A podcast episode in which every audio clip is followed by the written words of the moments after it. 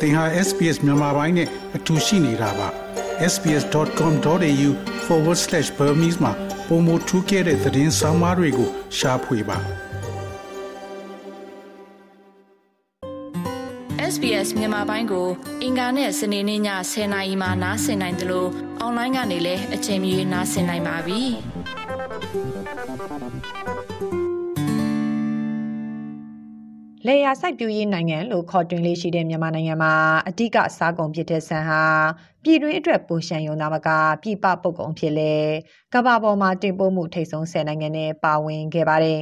။လက်ရှိအာဏာသိမ်းကာလအတွင်းမှာတော့ဒေသအများစုမှာစစ်ပွဲတွေကြားစိုက်ပျိုးမြေမဲခဲ့ရပြီးပြည်သူတွေဟာလည်းစံအလွယ်တကူဝယ်ယူရရှိဖို့တောင်ခက်ခဲလာပါတယ်။ မြန်မာနိုင်ငံရဲ့စံဝိုးကြီးလို့တင်စားကြတဲ့အေယာဝတီတိုင်းအပြင်စကိုင်းနယ်ပဲခူးတိုင်းတို့ဟာစဘာအများဆုံးစိုက်ပျိုးတဲ့ဒေသတွေပါစကိုင်းတိုင်းကရွှေဘိုပေါ်ဆန်မွေးဆန်ဟာနိုင်ငံအနှံ့နာမည်အကြီးဆုံးလို့ဆိုကြပါတယ်2021အာနာမသိငင်က24ပြည်ပါတဲ့ရွှေဘိုပေါ်ဆန်တအိတ်ဟာ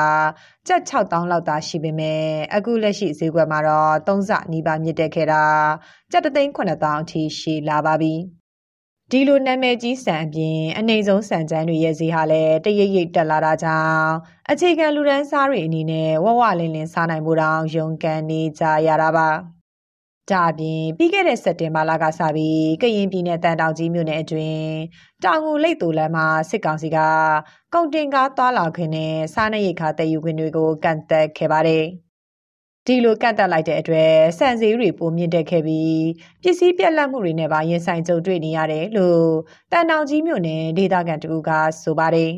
သူရောအများကြီးဒုက္ခရတာပေါ့ဒီမှာတော့တော်လာတဲ့နေခုတည်ရတယ်လူမခိုလူမျိုးတည်ရတယ်ဖတ်စီစားရဆိုရှင်မခိုလာနေတည်ရတာဒီဒီ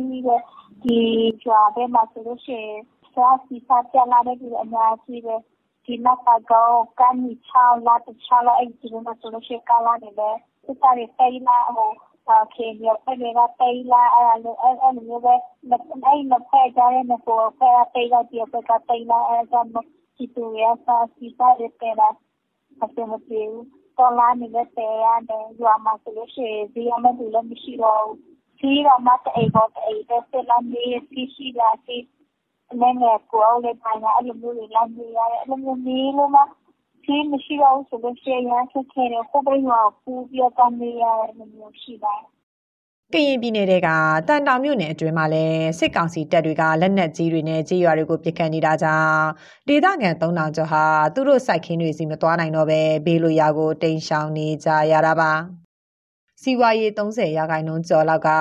လေယာစိုက်ပျိုးရေးပေါ်မိခိုခဲ့တဲ့စကိုင်းတိုင်းမှာလည်းအခုအချိန်မှာတော့ဒေသခံတွေဟာအိုးအိမ်စွန့်ခွာထွက်ပြေးနေရတဲ့အပြင်လယ်မြေတွေဟာလည်းမိလောင်ပြင်းဖြစ်ခဲ့ရပါပြီဒီလိုစစ်မီးတန်ခမ်းဒေတာတွေအပြင်ပဲခူးတိုင်းဒေတာကြီးမှာလည်းလက်ရှိဖြစ်ပေါ်နေတဲ့ရေကြီးရေရှမ်းမှုတွေကြောင့်မိုးစဘာစိုက်ခင်းတွေဟာမရိတ်သိမ်းရသေးခင်မှာပဲရေနေမြုံမှုတွေကြုံတွေ့နေရပါတယ်။ တဘာဝဘေးဒဏ်တွေကိုအပြင်းအထန်ခံစားခဲ့ရတဲ့ရခိုင်ပြည်နယ်မှာဆိုလဲဒီနှစ်မိုးစဘာစိုက်ပျိုးသူတွေညော့နေသွားတယ်လို့သိရပါတယ်။တပြည်နယ်လုံးမုံတိုင်းတန်တင်ခဲ့ရပြီးပြန်လည်ထူထောင်ရေးဝေဝါးနေစေကြမှာစဘာစိုက်ပျိုးရေးဟာလည်းကုန်စည်နှုန်းမြင့်တက်မှုတွေကြားခေါင်းမထောင်နိုင်ဖြစ်ခဲ့ရပါတယ်။ လက်ရစိုက်ပျိုးရေးမှာမရှိမဖြစ်သုံးရတဲ့73စီစီဟာလည်းအာနာမသိငင်က၄ခါလန်တပုံကိုကြက်တထောင်ကျော်သာကြပေမဲ့အခုဆိုကြက်9000အထက်မှာရှိတယ်လို့တောင်သူတွေကဆိုကြပါတယ်ကျက်နှစ်တောင်းဝန်းကျင်သာရှိခဲ့တဲ့ဓာတ်မြေဩဇာတိတ်ဟာလည်းလက်ရှိမှာကျက်နှစ်သိန်းအထိဆယ်စားလောက်ဈေးမြင့်တက်ခဲ့တာပါ ဒါကြောင့်ယင်းနှိစိုက်ပျိုးဖို့မလွယ်ပဲစဘာအစာရက်တီရေးအတွက်နေစားအလုပ်တွေကိုသာပြောင်းလဲလုပ်ကင်နေရတယ်လို့ရခိုင်ဒေသခံတောက်သူဦးကျော်လာကပြောပါတယ်။အဲမိုးလေဝသအချိန်ကလည်းမကောင်းဘူးဖြစ်နေတယ်လေ။ ကျွန်တော်တို့ရခိုင်မှာတော့ခုနကလေသမားတွေကခုနကသဘောမရှိရဘူးဆိုလို့ရှိရင်တော့ကျန်တဲ့လုပ်အလုပ်ပိုင်းကအလုပ်ပိုင်းအကင်ကလည်းကောင်းမရှိဘူးလေ။ကျွန်တော်တို့ဒီဆန်စပါးတွေကတော့ခုနကတော့ဒီတောင်သူတွေသမားပေါ့လေလုပ်တဲ့လူတွေမှာအနေထားကတော့စကေတဝေလို့ခုနကတော့သဘောရဆန်စုစုဆောင်းလို့ရှိပါတယ်လေ။ရှိရတဲ့ခုနကလည်းကျန်တဲ့ခုနလဲလဲလို့ဆိုအဖိုးတွေကတော့ခုနကလို့ဟိုကတနေ့လုံးမတနေ့စားတဲ့လူတွေကတော့အခက်အခဲရစိတ်နေတာတော့အများကြီးဖြစ်ပါလေ။ဒီသမားတွေခုနကတော့လေလုပ်တဲ့လူတွေကနေပြီးတော့ လေထန်စာလို့ခုနကဒီတဲ့လုပ်ငန်းတွေကိုလုပ်ငန်းစမှဒီလိုကလေးအလုပ်အတိုင်းနေနေပေါ်ပေါ်ခုနကလိုရဲကြအဲခုနကလည်းနေရောက်ဖို့နေတဲ့ပုံစံမျိုးအလုပ်လုပ်ရတာရှိပါလေဒီအဲ့လိုအနေတော့တောင်သူတွေသမားတွေကလည်းဒီဥနာအလုပ်မလုပ်နိုင်နေလေးမစားနိုင်ဆိုလို့ရှိရင်အဲနေကြလုံစားလုံစားရတဲ့လူတွေကအခက်အခဲတွေကအများကြီးဖြစ်နေမှာပဲအခုဆောင်ကြီးကလည်းခက်တယ်စီကြီးကလည်းခက်တယ်ဇာနေဈေးနှုန်းတွေကလည်းခုနကလိုအဆမတတက်နေမှာလေ ပြီးခဲ့တဲ့ဩဂတ်စ်လကစပြီးစစ်ကောင်စီကစံစည်းထိန်ကြီးဖို့မြန်မာနိုင်ငံစံစပါအသင်းချုပ်ကို အမြင့်ဆုံးရွှေဘော်ပေါ်စန်းတအိတ်ကျပ်32500နဲ့အနှိမ့်ဆုံးစံကျန်းတအိတ်ကို9200ကျပ်သတ်မှတ်ရောင်းချဖို့ထုတ်ပြန်ခဲ့ပါတယ်။တကယ်တမ်းလက်တွေ့မှာတော့ပြည်သူတွေဟာအနှိမ့်ဆုံးစံကျန်းကိုတောင်ကျပ်တသိန်းအထက်ပေးဝယ်နေကြရတာပါ။ ပဋိပက္ခဖြစ်ပွားရာဒေသတွေမှာတော့ကုန်စည်နှုန်းတွေပိုတက်ခဲ့ပြီးကရင်ပြည်နယ်ကမြို့နယ်အချို့မှာဆိုစားနပ်ရိက္ခာပြက်လက်မှုတွေကြောင့်စက်တအိတ်ကျပ်2သိန်းနဲ့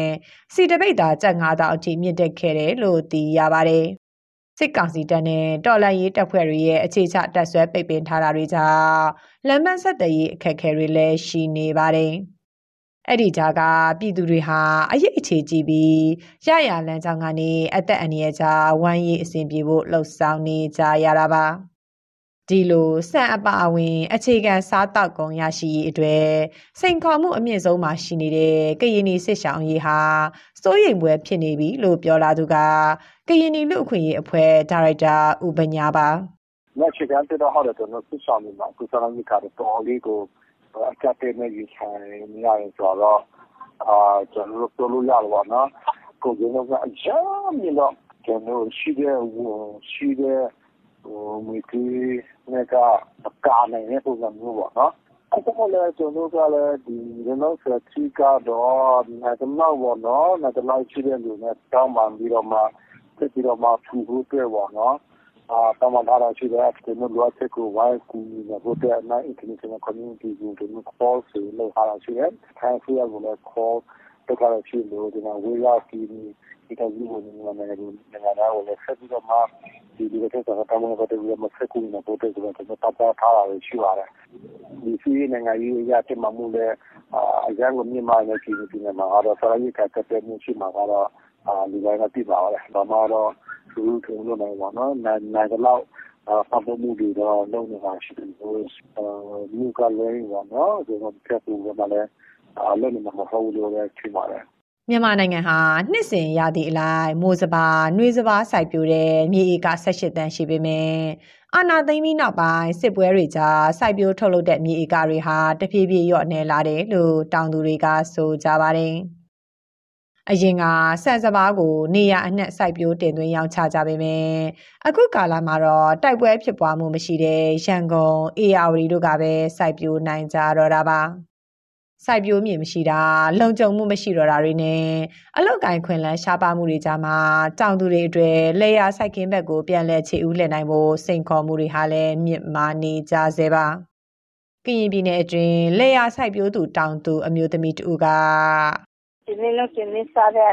လူတွေကလည်းအရန်ကိုတက်ခရတယ်အဲ့တော့ကခွေလိုက်ရဖို့ဆိုတာထဲလေ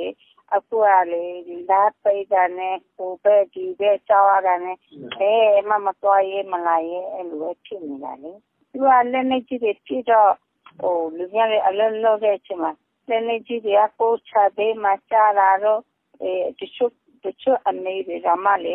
ကြောက်ပြီးတော့လေတဲ့တော့လေအဲ့မျိုးလေးရှိတယ်အခုဆိုရင်ဒီမှာဘာမှစိတ်ချင်းရှိ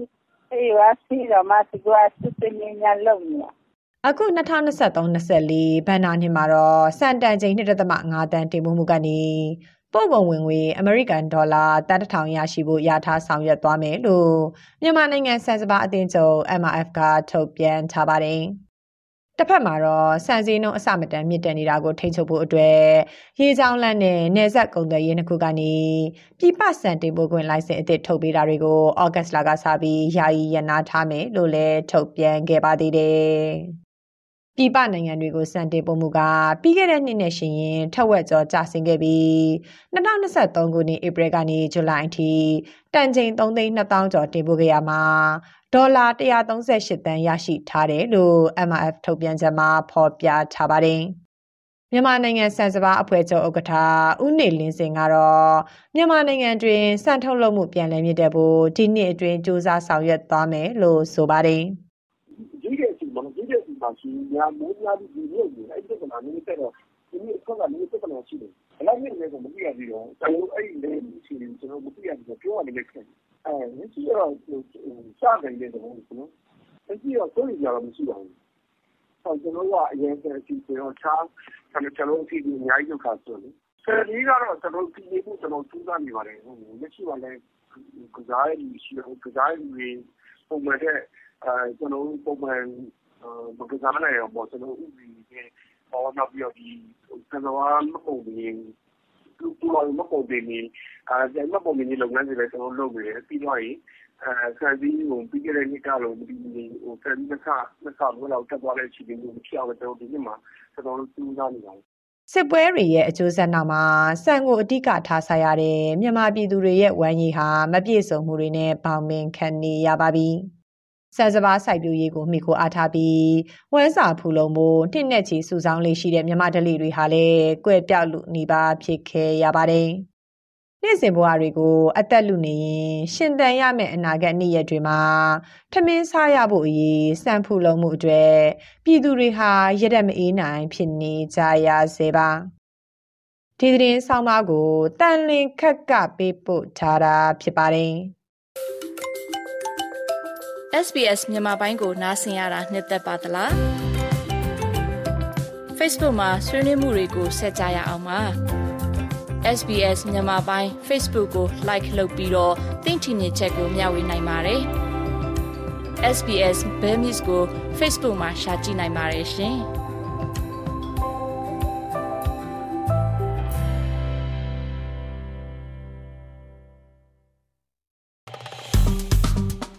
SPS မြန်မာပိုင်းကို Facebook ပေါ်မှာ like ရှာပြီး like မျှဝေမှတ်ချက်ပေးပါ